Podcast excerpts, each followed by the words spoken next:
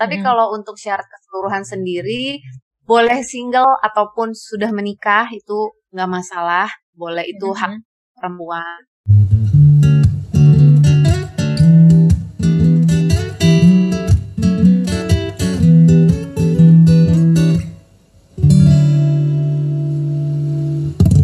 Relatif Perspektif Podcast adalah podcast yang bertujuan menjadi jembatan agar masyarakat luas paham akan isu kesehatan. Visi kami supaya kesehatan tidak lagi eksklusif hanya dibicarakan mereka yang menggeluti profesi sebagai tenaga medis saja. Episode Relatif Perspektif baru akan terbit setiap hari Minggu. Untuk episode seri Detektif Patologi akan terbit setiap hari Sabtu. Temukan kami lebih jauh di Instagram dan Twitter at. Hai, bertemu lagi di Relatif Perspektif Podcast. Kali ini bersama saya, Dr. Vini Jamarin. Perubahan zaman membuat pandangan tentang menikah dan mempunyai keturunan mengalami perubahan.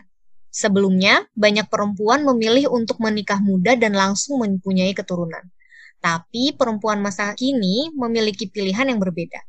Banyak perempuan yang memilih untuk fokus mengejar karir, pendidikan, ataupun tujuan pribadi lainnya, sehingga tidak jarang penundaan pernikahan atau kehamilan saat usia subur jika ia sudah menikah menjadi solusi yang diambil. Namun sayangnya, solusi ini sering kali disesali karena ketika menginjak usia 35 tahun ke atas, tingkat fertilitas mulai mengalami penurunan. Sehingga banyak perempuan yang kesulitan mempunyai keturunan. Selain faktor usia, kondisi medis lain seperti kanker yang memerlukan pengobatan kemoterapi atau radioterapi juga bisa mempengaruhi fertilitas. Nah, sebelumnya nih ada cerita dulu. Ada teman saya yang usianya 30 tahun baru lahiran anak pertama. Dia pengen punya anak lagi, tapi dengan pertimbangan masih mau fokus merawat anak pertama, rencana kehamilan anak kedua ditunda dulu. Ternyata setelah anak pertama usianya 2 tahun, temanku berkesempatan untuk sekolah S2. Akhirnya rencana kehamilan anak kedua ini mau ditunda lagi. Nah, dia berpikir, bagaimana ya dengan kualitas sel telurnya jika ia menunda kehamilan lagi? Nah, saya sempat cerita ke dia mengenai sesuatu yang namanya egg banking. Bersama kita di sini ada Dr. Mary, spesialis obstetri dan ginekologi, yang sehari-harinya menjadi tempat berlabuh para pasangan yang ingin melakukan program kehamilan hingga program bayi tabung. Dan ternyata, selain wanita yang sudah menikah, beberapa wanita lajang juga ada yang sudah mulai berkonsultasi dengan Dr. Mary. Hmm, kira-kira untuk apa ya? Dr. Mary, halo. Halo, selamat sore. Apa sore, dokter. Alhamdulillah baik. Dokter gimana, dok? Sehat? sehat. Harus sehat. Harus sehat selalu ya, dok. Dokter nah. Mary mau nanya nih dok, gimana sih sebetulnya untuk saat ini urgensi adanya program egg banking? Oke, seiring dengan pertambahan zaman semakin maju, juga terutama emansipasi wanita dalam arti sekarang banyak sekali perempuan-perempuan yang memang bukan fokus mengejar karir sih, tapi memang mempunyai kesempatan untuk terus sekolah atau mencapai jenjang karir yang lebih tinggi. Itu yang mengakibatkan pertimbangan egg ini sudah semakin dilakukan. Sebenarnya nih kalau di luar negeri sudah cukup sangat banyak dikerjakan. Karena prosedurnya sih intinya asal di sebuah klinik klinik atau layanan kesehatan tersebut bisa melakukan layanan program bayi tabung, layanan egg banking juga bisa dikerjakan. Nah, sebenarnya istilah gampangnya adalah istilah simpan telur gitu ya, hmm. simpan telur. Hmm. Jadi kita bukan menyimpan uang tapi menyimpan telur. Jadi gini Vin, hmm. kita tuh harus tahu bahwa setiap perempuan pada saat dilahirkan di dunia ini, setiap bayi yang sudah lahir hmm. itu akan mempunyai cadangan telur. Normalnya jutaan. Okay. Nah, jutaan ini akan terus bertambah lama semakin berkurang hingga kalau di usia reproduksi itu kita bilangnya 25 sampai 35 dan di usia perimenopause untuk orang Indonesia itu di sekitar 45 tahun. Hmm. Nah, dari situ cadangan telur akan lama akan habis sampai pada saat di mana kita bilang menopause yang artinya hmm. tidak diproduksi hormon estrogen sama sekali akibat tidak adanya sel telur lagi. Namun ternyata hmm. beberapa kondisi ada beberapa perempuan atau bukan beberapa sudah banyak perempuan yang lahir itu dengan cadangan telur yang minimalis. Penyebabnya hmm. apa? Itu tergantung kita mesti tracing ibunya dulu waktu mengandung dia ada masalah nggak ya? Ada infeksi nggak? Ada kaitan gizi yang kurang, suplemen yang kurang, vitamin yang kurang selama hamil nggak? Jadi ada perempuan-perempuan tertentu memang terlahir dengan cadangan telur yang terbatas.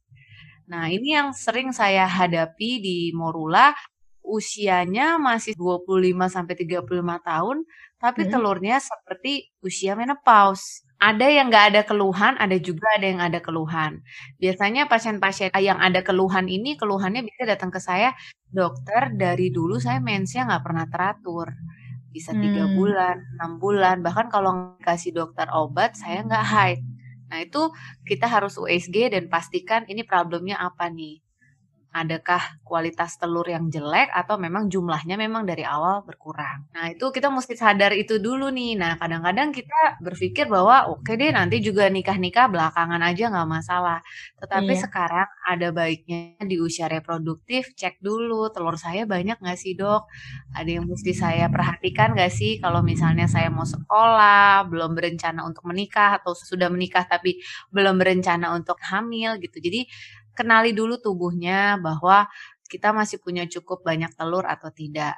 Atas dasar itulah di tempat saya bekerja itu membuka layanan egg banking dan jujur pasien saya juga sudah beberapa atau mungkin udah ada 10 orang lah ya, 10 perempuan yang mm -hmm. ke saya untuk layanan egg banking. Memang rata-rata adalah wanita karir atau hmm. ada beberapa yang memang dia sudah menikah usianya sudah 30 tahun tapi LDR nih LDR sama suaminya dan suaminya kebetulan di luar negeri dan di era pandemi COVID seperti ini jadi nggak tahu kapan suaminya ketemu, akan ya? balik hmm. iya jadi jadi salah satu pertimbangan kuat untuk melaksanakan egg banking gitu Oke, jadi untuk egg banking ini urgensinya bukan hanya dari sisi orangnya itu udah mau hamil atau belum, tapi terkadang juga ada kondisi-kondisi tertentu yang mungkin dari sel telurnya juga kualitasnya kurang bagus kayak gitu ya dok ya? Ya, ada juga gini, misalnya waktu kecil dia udah ada riwayat kista, sudah hmm. pernah hmm. dilakukan operasi pengangkatan kista, jadi hanya ada satu sisi indung telur yang masih ada itu pun kita lihat telurnya juga sudah mulai berkurang. Nah, itu hmm. kita juga udah kasih tahu sama pasiennya bahwa kita ada parameter kok untuk mengukur bagaimana telur kita masih banyak atau tidak. Bisa parameter USG, yang kedua parameter hormon. Nanti biasanya kita cek adalah anti mulerian hormon. Dan dengan dua parameter itu kita bisa mengenali diri kita. Sebenarnya kita masih punya kans yang masih bisa tenang-tenang dulu nggak sih untuk nggak menikah atau nggak hamil dalam waktu dekat gitu. Nah itu bisa jadi suatu cerminan buat kita. Jadi kita tahulah kondisi reproduksi kita saat ini seperti apa. Oke, okay. gitu. jadi itu kalau dari sisi orang yang melakukan egg bankingnya ya dok ya. Untuk egg banking ya. itu sendiri sebetulnya apa sih dok? Tadi kan dokter bilang simpan telur. Maksudnya kayak kita datang ke bank terus kayak nyetor uang kayak gitu dok. Sebetulnya ya. apa sih? Gimana prosedurnya gitu dokter? Oke, jadi sebenarnya prosesnya sangat simpel ya. Jadi biasanya pasien tentunya sebelum program egg banking dimulai, biasanya hmm. sebulan sebelumnya setidaknya sudah datang untuk konsultasi. Jadi dokter akan men-screening apakah ada faktor-faktor yang bisa menghambat proses banking ini.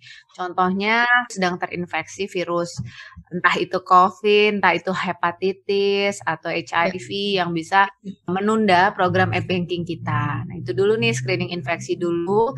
Lalu di pertemuan pertama tuh biasanya dokter akan USG untuk memprediksi kira-kira telur yang bisa diambil ada berapa nih. Misalnya Vini punya 30 telur nih, saya USG, wah saya udah bisa memperkirakan bulan depan kita juga setidaknya USG-nya sama nih kurang lebih bisa sampai 30 telur. Lalu kalau hmm. sudah di screening semua baik, pasien itu akan datang di hari kedua atau ketiga haid. Ya nggak nyaman emang pas lagi berdarah-darah dokter akan periksa, tapi memang penilaian untuk menilai berapa banyak telur yang bisa kita simpan adalah memang di haid hari kedua ataupun ketiga. Oh, Jadi nanti gitu. pasien akan datang di hari kedua ketiga itu kan telur masih kecil-kecil nih. Hmm. Ibaratnya hmm. pom bensin tuh dimulai dari nol lah. Nah, di saat hmm. itulah kita akan bertugas untuk membesarkan telur-telur yang kecil-kecil ini menjadi besar. Nah, sering hmm. banget ditanya, dokter, saya bisa dapat berapa nih? Capek-capek banking, ntar saya nggak banyak lagi telurnya. Nah, itu dia. Makanya di pertemuan yang awal, biasanya dokter sudah kasih tahu. Dengan kadar hormon sekian, dengan USG sekian, kira-kira telur yang bisa kita dapat pada pasien A 30. Pada pasien B mungkin cuma dua. Atau pada pasien C kita bisa dapat sekitar 5. Nah, itu inform consent itu harus kita jelaskan dari awal. Terus tergantung hmm. pada apa? Usia pasien, ada riwayat operasi kita atau tidak sebelumnya, dan yang ketiga adalah bakat genetik itu tadi yang saya bilang. Gitu. Nanti hmm. setelah hari kedua, pasien akan mendapatkan suntikan yang tujuannya adalah untuk perbesar telur. Rata-rata pasien butuh 8 hari, yang artinya 8 suntikan setiap hari berturut-turut. Jadi kalau hari kedua, pasien akan mendapat suntikan hari kedua, ketiga, keempat, kelima, keenam, ketujuh, kedelapan. Selama Lalu pasien itu ya dok ya? Yes, betul. Nanti pada hmm. saat hari ke-10, pasien akan di USG. Ketika di USG bagus, telurnya sudah mencapai standar yang kita harapkan, ukurannya baik, hormonnya telurnya baik, maka hari ke-12 kita panen telurnya. Udah selesai sampai di situ. Begitu kita sudah panen telurnya, telurnya sudah bisa kita freezing atau kita simpan.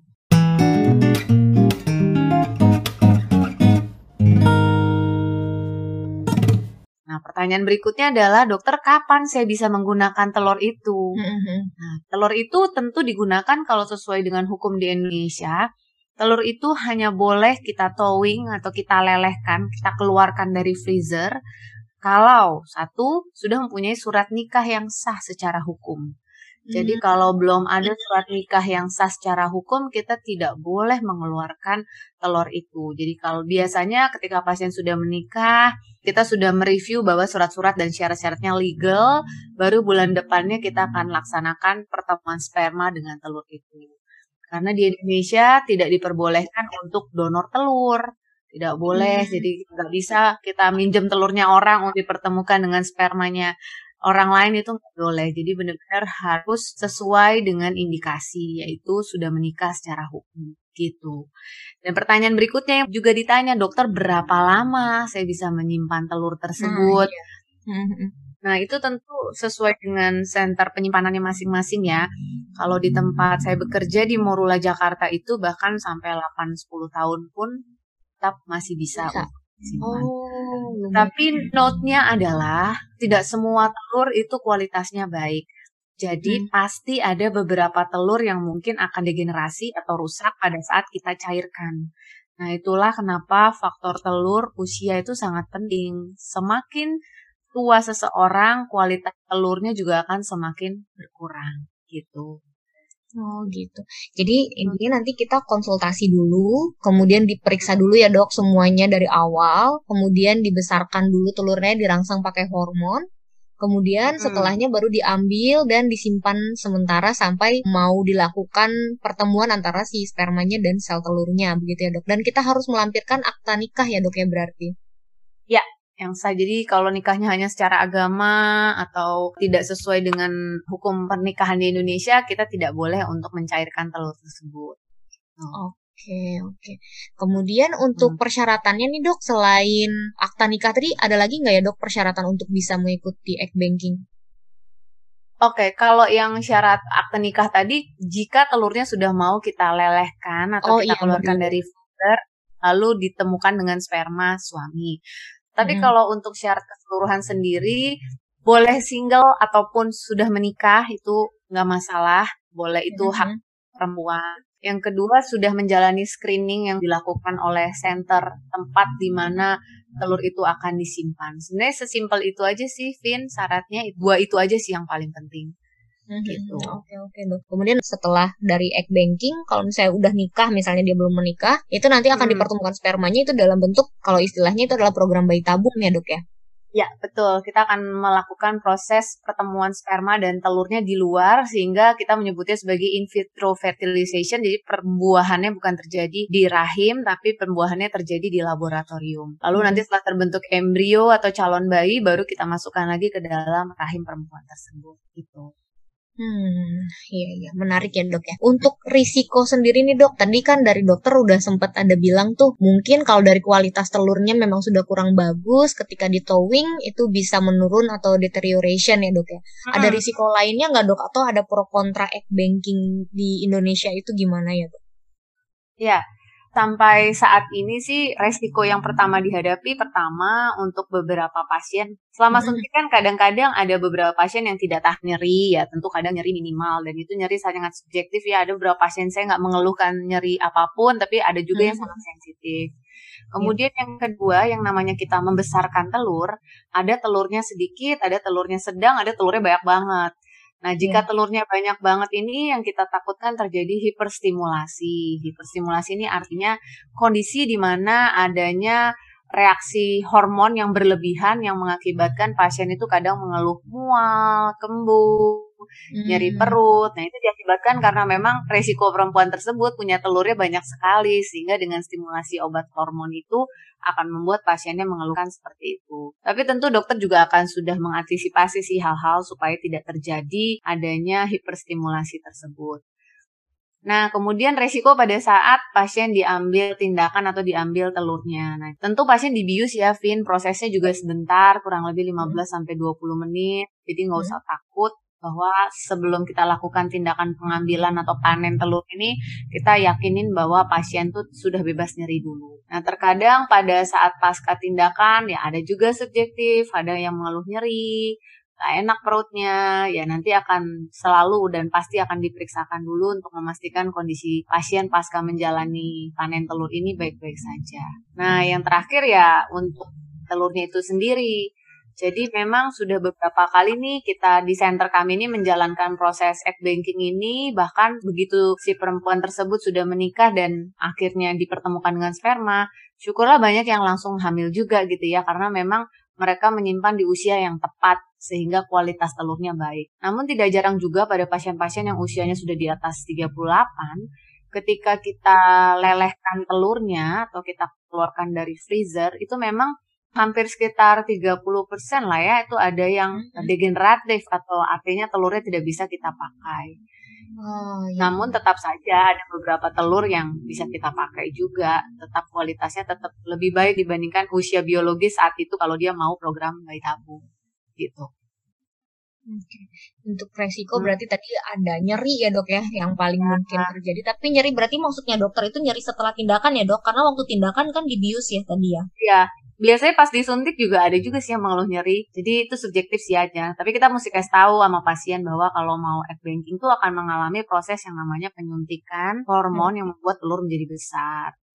Nah, penyuntikan itu juga membuat nyeri karena nggak jarang juga pasien mundur program karena banyak juga yang takut jarum suntik. Nah itu. Oh iya benar-benar. Karena dia harus setiap hari ya dok ya tadi selama 8 hari ya tadi. Iya benar harus setiap 8 hari. Dan lagi egg banking ini juga lebih ditujukan juga sekarang yang lagi dikembangkan di berbagai dunia adalah untuk penanganan pasien-pasien dengan cancer. Jadi para penyintas kanker, hmm. terutama kanker di bidang kandungan, yang dari hmm. awal kita sudah prediksi bahwa akan terjadi penurunan kualitas dan pun jumlah telur yang sangat drastis.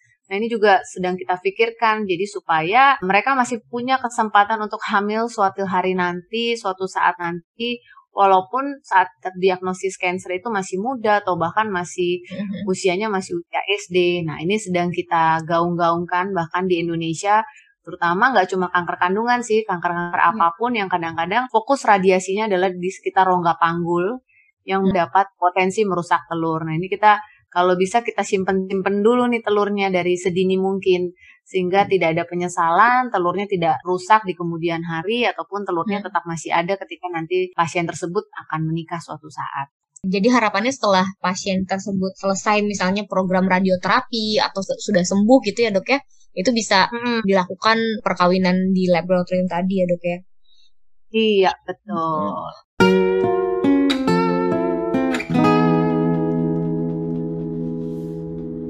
Untuk pro kontra di Indonesia gimana nih dok? Soalnya kan mungkin ada nih kita bisa bahas mungkin dari segi agama kah atau budaya mungkin ada ya dok ya pro kontranya karena ini kan tidak hanya untuk wanita yang sudah menikah tapi juga bisa untuk wanita lajang. Nah ini gimana nih dok? Nah, itulah dia. Untungnya kita di Indonesia pagarnya kuat ya. Jadi harus mm-hmm. dengan pernikahan yang sah. Jadinya tidak ada tuh istilah donor telur yang bisa memicu kontroversi yang berlebihan. Namun tidak memungkiri ya bahwa pasien-pasien saya yang agamanya memang kuat banget atau mm-hmm. saya nggak boleh bilang agama kuat, tapi ada pemahaman tertentu yang yeah. tidak memperbolehkan telur itu kalaupun nanti dipakai pasti ada yang terbuang dong kalau memang anaknya dirasa udah cukup sama layaknya embrio misalnya sudah cukup punya tiga anak masih ada sisa tiga lagi. Nah itu memang saya tidak berani berkomentar banyak itu dikembalikan ke individu masing-masing tapi buat saya memang sebisa mungkin sih tidak ada embrio ataupun telur yang dibuang. Kalaupun nanti misalnya terpaksa ya tentu itu ada inform consent yang jelas.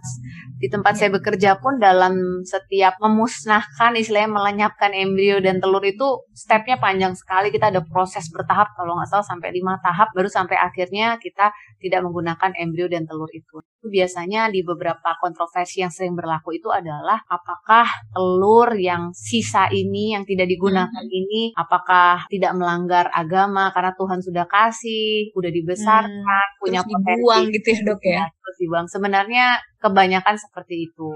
Tapi hmm. kalau buat yang sudah menikah, memang kita tetap butuh izin daripada suami.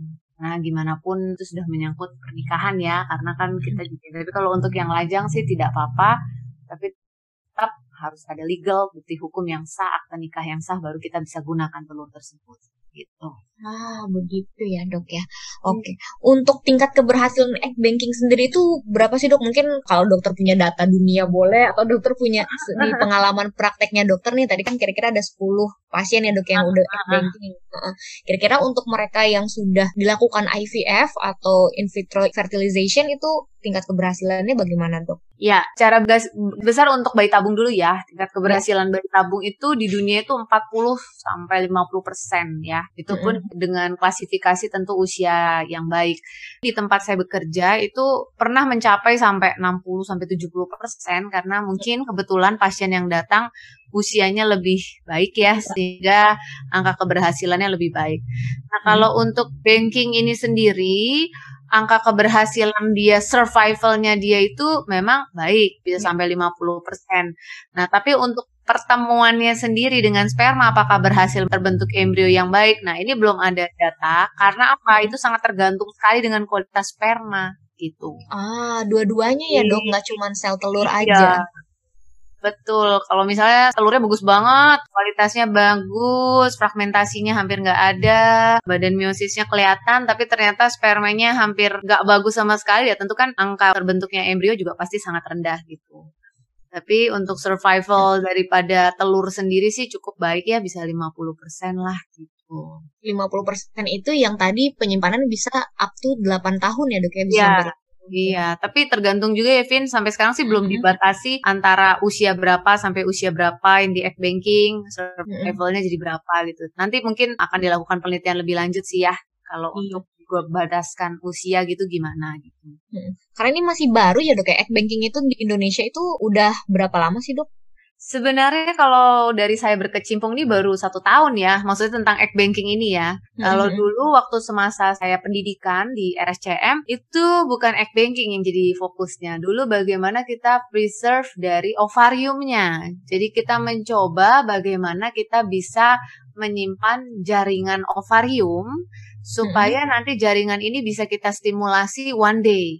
Nah ternyata penelitian ini masih agak berat itu namanya cryopreservation dari ovarium karena di Jepang sudah berhasil dilakukan. Mm-hmm. Jadi kalau kita ketemu ada cancer, kita ambil jaringan ovarium yang agak sehat, lalu kita simpan. Jadi nanti setelah kita simpan, lalu kita balikan lagi tuh ovarium yang sisa jaringan itu kembalikan lagi ke organ tubuh perempuan tersebut baru kita stimulasi. Nah, itu biasanya memang target utamanya pasien-pasien yang cancer nih. Tapi ternyata untuk di Indonesia ini masih ongoing penelitiannya. Banyak guru-guru saya yang sedang berusaha bagaimana penyimpanan telurnya ini bisa berjalan dengan baik. Nah, kalau egg banking kan bukan telur tapi sel telurnya. Makanya kita hmm. butuh proses yang namanya stimulasi. Bagaimana membuat sel telur kecil-kecil ini menjadi besar lalu disimpan dalam bentuk oosit gitu. Jadi kalau di Morula sendiri yang benar-benar baru established kita ngomong tentang egg banking tuh sekitar satu tahun. Hmm, berarti sekitar satu tahun ya dok ya, hmm. ya hmm. Untuk pelayanan egg banking di Indonesia itu sebetulnya udah tersedia di mana aja ya dok? Setahu dokter.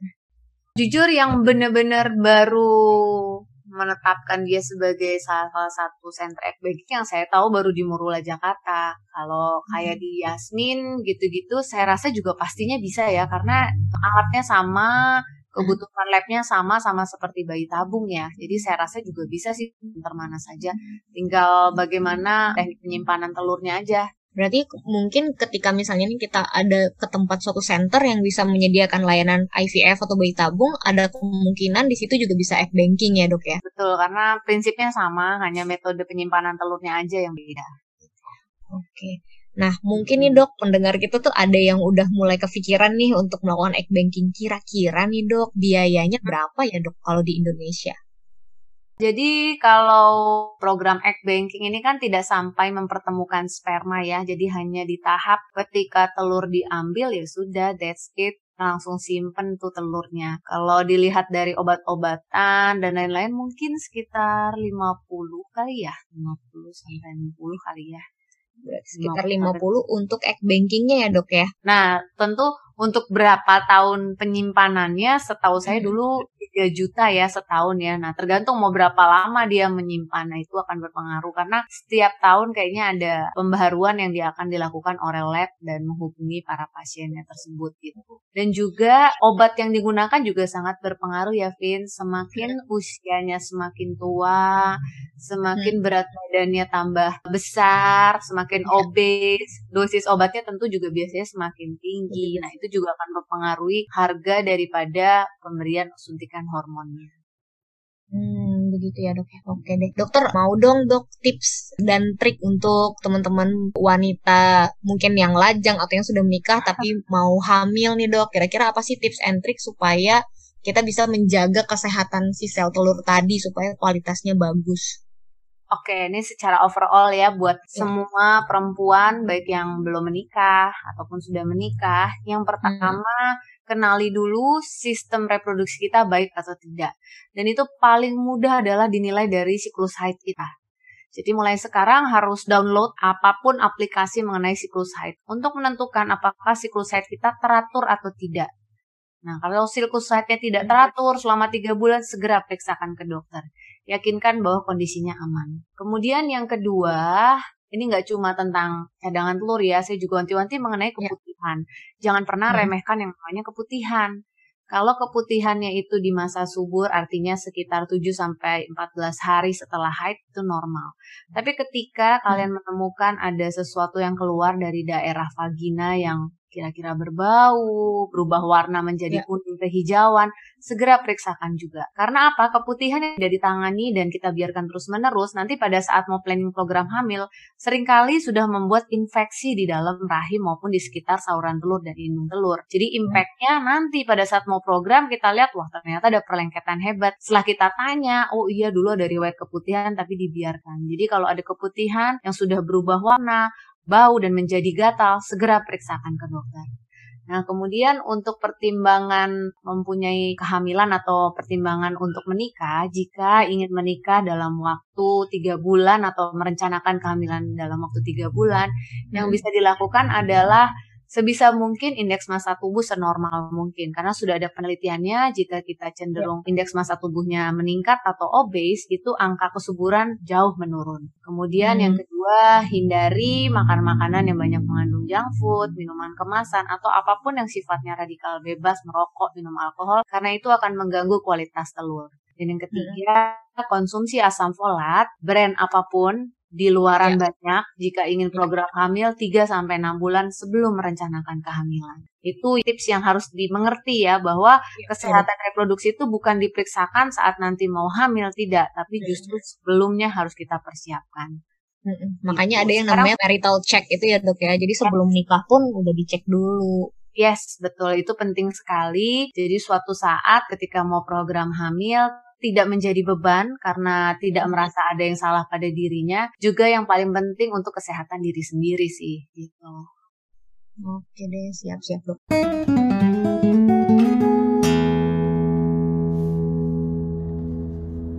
Nah dok, di Relatif Perspektif Podcast ini, kita di setiap episodenya akan memberikan rekomendasi buku dan film. Nah dari dokter Mary, ada rekomendasi buku dan film dok yang bisa kita baca atau nonton dok? Sebenarnya sih orangnya cici banget ya. Saya nggak suka film yang terlalu mikir. Iya. Film, film saya itu sifatnya pasti menghibur, mudah dicerna.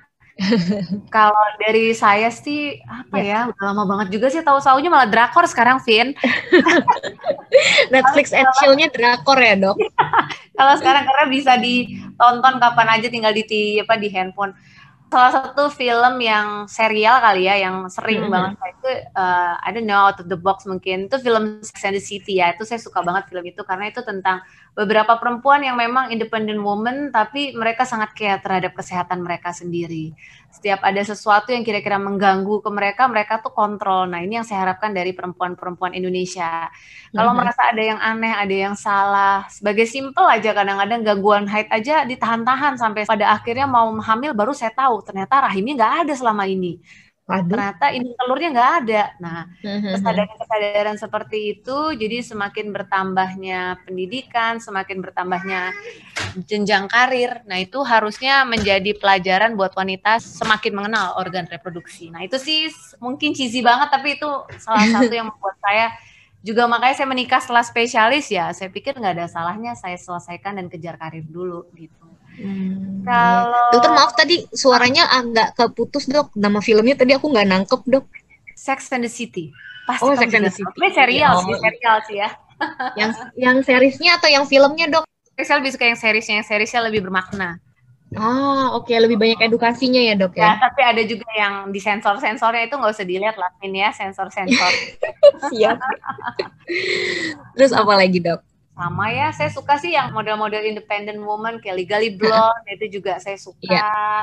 ya buat perempuan kita berhak untuk mendapatkan pendidikan dan karir yang baik tentunya tetap memperhatikan juga usia reproduksi kita.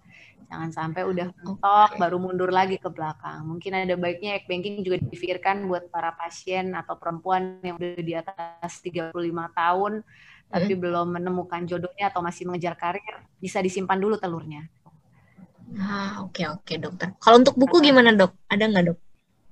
Kalau buku, satu buku yang sangat sampai mm -hmm. sekarang saya ini ya purpose driven of life yaitu semacam ada 40 hari kita dibawa untuk belajar setiap harinya dari awal kita dijadikan sampai dengan kita bagaimana berprinsip dan berlaku terhadap diri sendiri maupun lingkungan. Ya memang tuh agak sedikit rohani tetapi itu benar-benar yang membuat saya bahwa kita ada setiap hari itu ada tujuannya gitu. Hmm. Dan itu tentunya harus baik.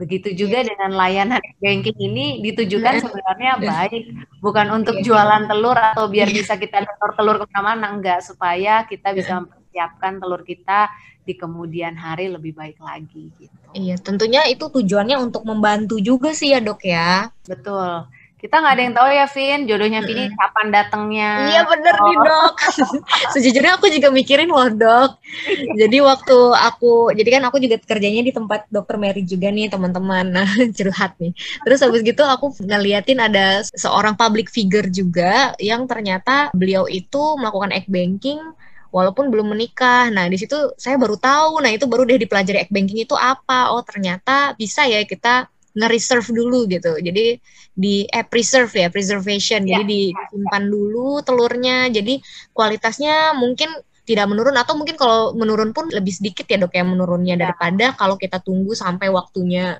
tiba begitu. Uh, misalnya nih Vini 30 tahun nih masuk PPDS, terus Vini mm -hmm. lulus 34 tahun.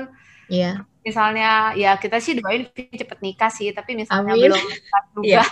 Ya iya, mungkin dok. bisa dipertimbangkan lah ya. Iya benar-benar dokter.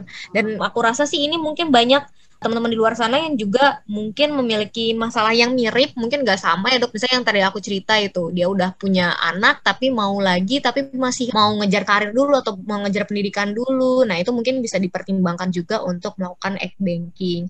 Atau yeah. yang tadi pengobatan kanker ya dok, atau pengobatan TB juga kayaknya juga mempengaruhi ya dok ya. Ya, bisa juga sih, bisa juga. Hmm, ya baik-baik. Oke, makasih banyak Dokter Mary untuk waktunya, rekomendasi buku, series sama filmnya. Senang banget bisa ngobrol sama Dokter Mary.